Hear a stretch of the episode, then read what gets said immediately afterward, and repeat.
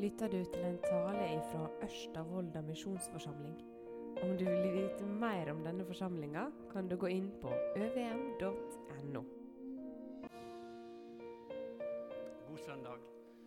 Kjekt å se dere, og fint å være her i denne septembermorgenen. Høstmåned, vi har begynt på den. Og det gleder vi oss eh, godt til å få en fin høst utover. Vi håper det. Og så er det, er det valg i morgen. Det må vi være med på. Eh, det er kjempeviktig å stemme og være en del av samfunnet og ta ansvar der.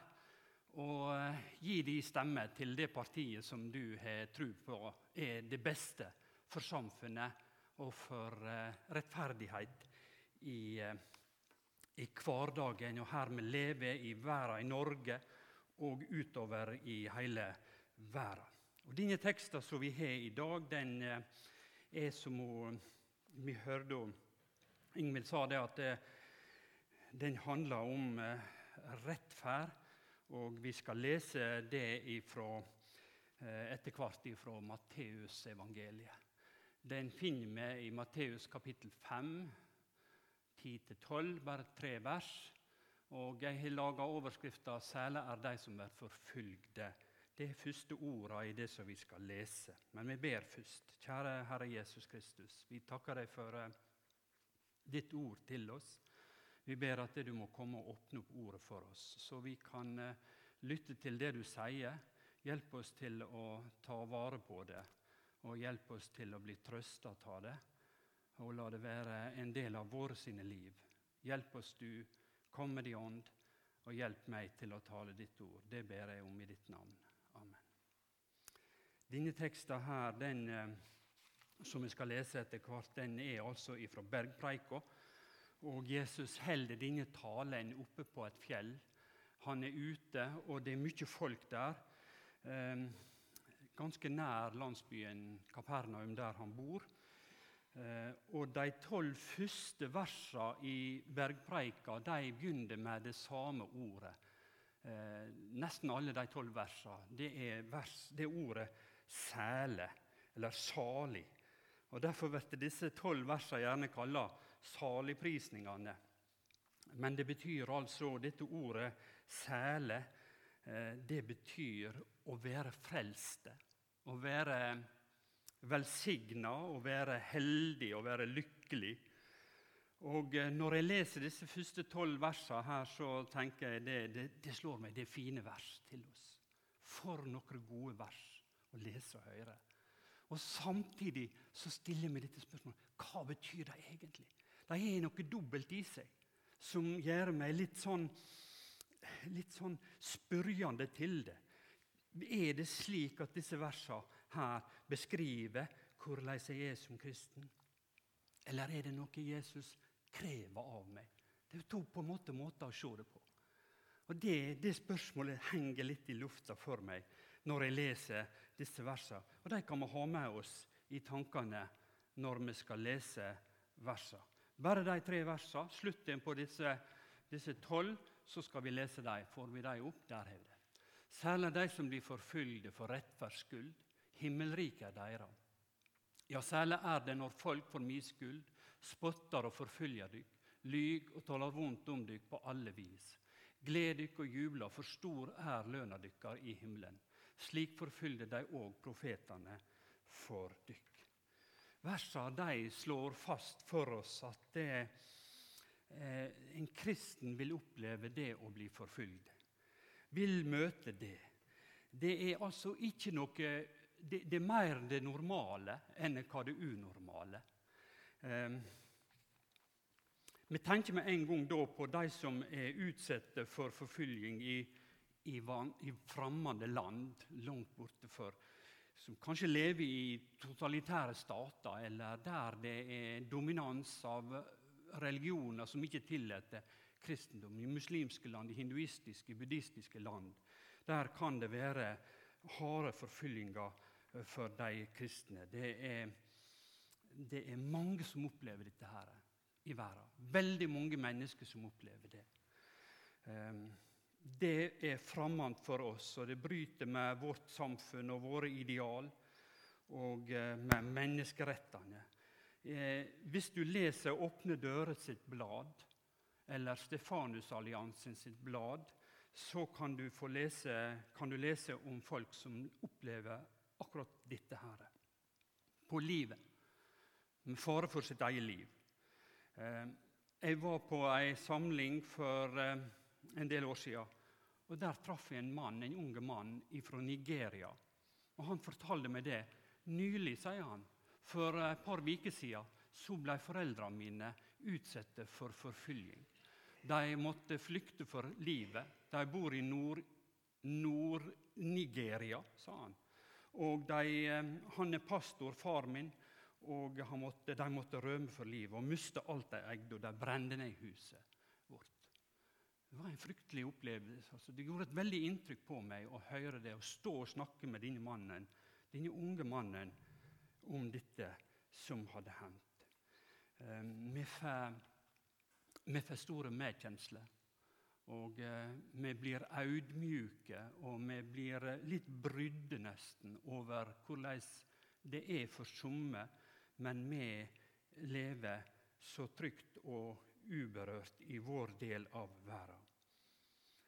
Eh, for noen så har altså trua og kjærleiken til Jesus ført dem opp i, i store prøvinger. Fører dem opp i store prøvinger og vansker i livet sitt. Det koster. Kostnaden er høy for mange å holde fast ved trua på Jesus. Og Gjennom alle tider så har Den kristne kirke opplevd dette. Så det er egentlig en slags normaltilstand å møte motstand, å møte vansker, å møte forfølging og trakassering. Vi kan tenke på den første, Stefanus. Vi leser om han i kapittel 6 i apostelgjerningene. Han ble steina.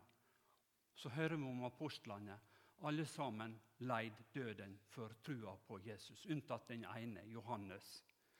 Og slik eh, kan vi eh, tenke på de andre. Paulus og Peter de, de leid døden, martyrdøden i Roma eh, i 64-65, i de, de, de åra der.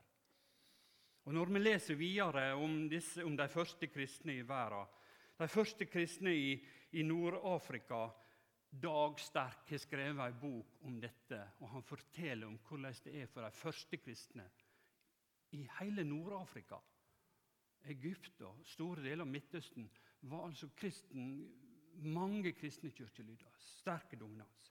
Og så hører vi, forteller han hvordan de eh, ble forfulgte på 200-tallet eller i det tidsrommet, tidsrommet der. Slik kan vi fortsette gjennom historien. Helt inntil nesten vår tid. Johan Hus han ble brent på bålet 6. juli 1415 i Tsjekkoslovakia, i Tsjekkia. Han holdt fast ved Guds ord. John Wycliffe er en, og mange etter dem som har holdt fast ved Guds ord, truskap mot Jesus Kristus og evangeliet, og de har ledet for det.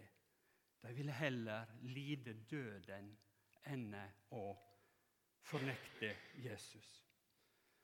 Og Det står om Moses i, i Hebreabrevet.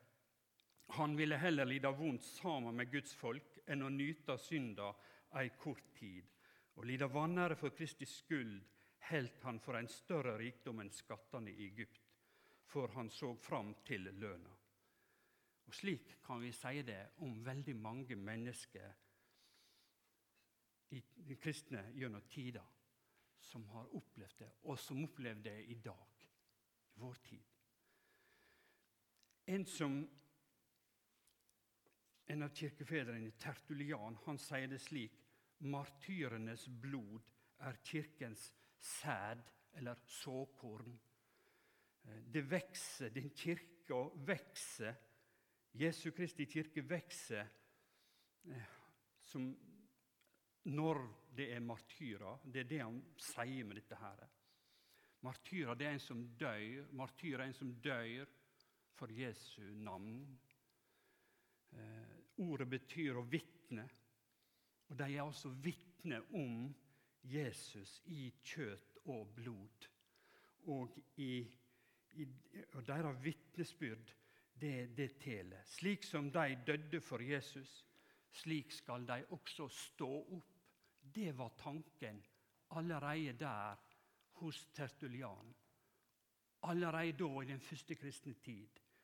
Slik som de døde slik som de dør med Jesus, slik skal de også stå opp på den siste dag. Ehm, det var oppfatninga den gangen. Det er faktisk en djup sannhet. Slik som vi lever, og slik som vi dør med Kristus, slik skal vi også en dag stå opp igjen. Sammen med Honom. Forfyllinga vil komme. Vi skal være takknemlige i Norge som lever i eh, et trygt land der vi slipper å oppleve det. Eh, men likevel så føler det motstand med det å følge Jesus Kristus og være hans eh, disippel, hans, og tro på ham. I vårt samfunn kjenner vi på det, det i dag. Det er, som verset sier her, de som blir forfulgt for rettferd. Det er altså en beskrivelse av eh, situasjonen som en kristen er i. Vi må belage oss på det. Vi må være forberedt på det.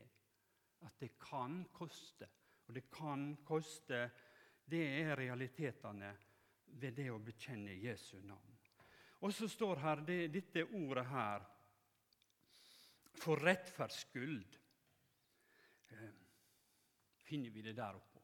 Særlig de som blir forfulgte for rettferds skyld. Hva betyr dette der eh, uttrykket der? Det kan kanskje hjelpe oss å tenke på det. Eh, at ordet blir brukt i Bibelen, og uttrykket blir brukt i Bibelen i to betydninger. Om det å leve et rettferdig liv, ikke sant? sånn som vi lever, vi gjør godt og rett for oss, ikke stjele, ikke drive på med, med det som bryter eh, Guds ord og det som er rett og galt. Eh, slik vi bruker det i dagligtale. Og så blir det brukt i Bibelen også om det å få Guds rettferd. Rettferdig er den personen som får det tilrekna som ei gave ved trua på Jesus Kristus. Ingvild begynte denne gudstjenesten med det ordet i dag. I bønnemøtet var det visst. Ja, jeg kobla feil her. Der hun sier om Abraham som blir trodde Gud, og derfor regner Gud henne som rettferdig. Han blir regna som rettferdig fordi han tror. Og Paulus sier det som sier at det som betyr noe for henne, i Filippabrevet 3,9, å bli funnet i Han, ikke med min egen rettferd, den som lova gjev, men med den rettferda vi får ved trua på Jesus. Rettferda fra Gud bygd på trua. Ei rettferd som vi gjør og lever i, og ei rettferd som vi får fra Gud tilrekna oss. Disse to her henger sammen i denne teksten vår her i dag. En kristen kan komme til å bli forfylde og oppleve motstand fordi han har fått Jesu rettferd i livet sitt. Fått den tilrekna. Han har i det øyeblikket han kom til tru, fått Den hellige ande. Fått et nytt sinn, fått en ny vilje som vil gjøre Guds, Guds, Guds båd, Guds ord. Eh, og det nye livet det kommer til syne i livet til en kristen. Ingen kristen kan fortsette å stjele og lyge og drive hor og gjøre mot Guds bud. Det går ikke. Det går kort og godt ikke an. Det er umulig. Det skaper en konflikt i oss. Det ødelegger trua vår. Og til slutt så har vi tapt kristendommen. Det, det går ikke an. Det er en umulighet for en kristen å leve i synd når han er født på nytt, og når han har fått Guds ånd i hjertet. Dette vil være merket. Dette vil være av Særlig de som blir forfulgte for rettferds skyld. Særlig de som, som opplever det for det, det nye livet i deg. Som, som preger sinn og tanke og handlinger. En kristen kan falle i synd, gjøre det som er Guds vil, mot Guds vilje. Det, det, det, er en annen sak enn å leve i, Guds, i, i synd. Og Det må vi be om tilgivelse for, og det gjør vi når vi feller i synd. Vi ber Gud om tilgivelse, og så får vi begynne på nytt igjen med et nytt sinn, en ny ånd. Eh, og følge Hånda og tro på Hånda. Og Dette nye livet her, det vil være å merke og reagere imot det. Det skal ikke vi være fremmede for. Det skal ikke komme brått på oss. Men sånn er det. Inn i denne sammenhengen er det altså at dette ordet som vi har låst, særlig de som blir forfulgte for rettferds skyld, himmelriket er deres, blir sagt til oss. Um. Jeg leste i dagen om ei unge dame, ei unge mor, som hadde flykta fra Mosul, fra IS, og som bodde i en flyktningleir i Beirut. Og hun spurte, eh, og De spurte henne hva hun tenkte om dette verset her i Matteus 5,10. Særlig de som blir forfulgte for rettferds skyld. Himmelriket deres. Og så sier hun det. Det trøster meg. For det er slik det er. Det er ei ære å bli forfulgt for Jesus, Jesus skyld. Han døde for oss, og derfor fortjener han alt svarer hun. De er til trøst for oss, disse versene her. Eh, til oppmuntring. Den som opplever prøvinger og forfyllinger, eh, han, han, han skal bli trøsta av dette verset her. Himmelriket hører deg til, hører den til. Det er ikke ute med deg. Gud har ikke glemt deg og ikke slått handa av deg. Så du trenger så du, du, du, du, skal være sikker på det at en dag vil han stå der og ta deg hjem til seg. Ehm, det er et tegn på at du hører Jesus til, at du opplever motstand i livet ditt. Ehm, Versene er altså til trøst for oss til hjelp for oss når, det, når vi opplever vanskelige ting. Om det er på arbeidsplassen din, eh, eller i nabolag, eller i samtaler med noen, eller på skolen, eller hva det kan være. Eh, denne motstanden mot det at du tror på Jesus, og du vil følge hånda og gjøre hans sitt. Eh, så skal du vite det at Jesus han ser deg, og han eh, har ikke glemt deg. Og, han, eh, og det er et tegn på at du hører hånda til. Vi skal ikke ta til med samme mynt. Det skal ikke vi gjøre. Vi skal ikke det, nei. Og så til slutt. Gled dykk og jubla, for stor er dykkar i himmelen. Slik forfylgde de profetene før dykk. Han viser til profetene her, Jesus de som levde tidligere, de ble ofte forfulgte. Og de opplevde veldig vanskelige ting eh, ved å forkynne Guds ord for, for Guds folk Israel. De opplevde motstand. Tenk på Jeremias, profeten Jeremias, som opplevde så vanskelige ting. Han ble sett i gapestokk, han ble sett i fengsel, han ble kasta dypt ned i en brønn. Tenk på Amos og på Esekiel og på de mange andre profetene som du kan lese om i Det gamle testamentet, som opplevde vanskelige ting i livet sitt. Og forfølging. Folk spotta dem og håna dem, overså dem og brydde seg ikke om hva de sa. Hvorfor sier Jesus, viser Jesus til dem i dine tekster her? Fordi at det er den som hørte dem, de som satt der og hørte, og som kjente Gamle testamentet og hadde hørt fortellingene fra profetene, de slutta det med en gang. Det han, det, det, det han nå sier, eh, det, skal holde seg. Han viser til profetene. Da kunne folket sjøl konkludere og vite det de sa, det gikk i oppfylling. Slik vil det også verte med det Jesus her sier til oss. Den som opplever forfylling for Jesu navns skyld. Han skal bli trøsta, han skal bli frelste. Himmelriket hører håna til. Den er sæle, den er frelste, den hører Gud til.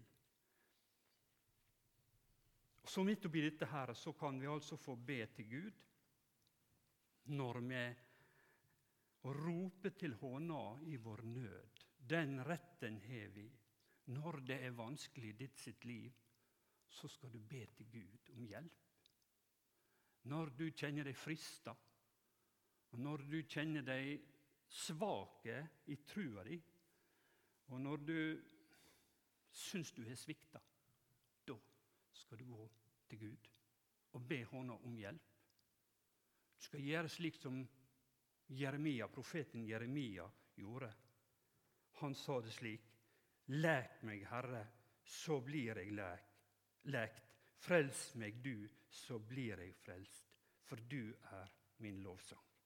Det var profeten Jeremias i bønn. Og det kan verte vår si bønn også når det står på og røyner på i livet våre. Da kan vi få gå til Gud med all vår nød og be henne om hjelp og lækedom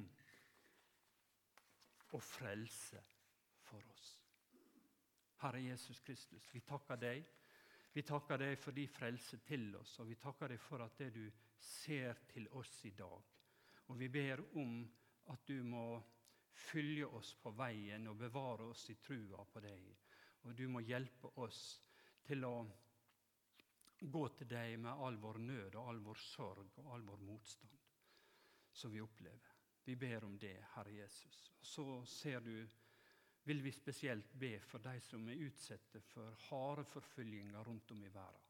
Det er mange millioner mennesker, mange millioner kristne, for ditt navns skyld, som i dag sitter i fengsel, som i dag lider overlast og vansker. Vi legger dem fram for deg, Herre Jesus, og ber om at du må komme nær med din trøst og din hjelp i den situasjonen som de er om. I ditt hellige navn ber jeg.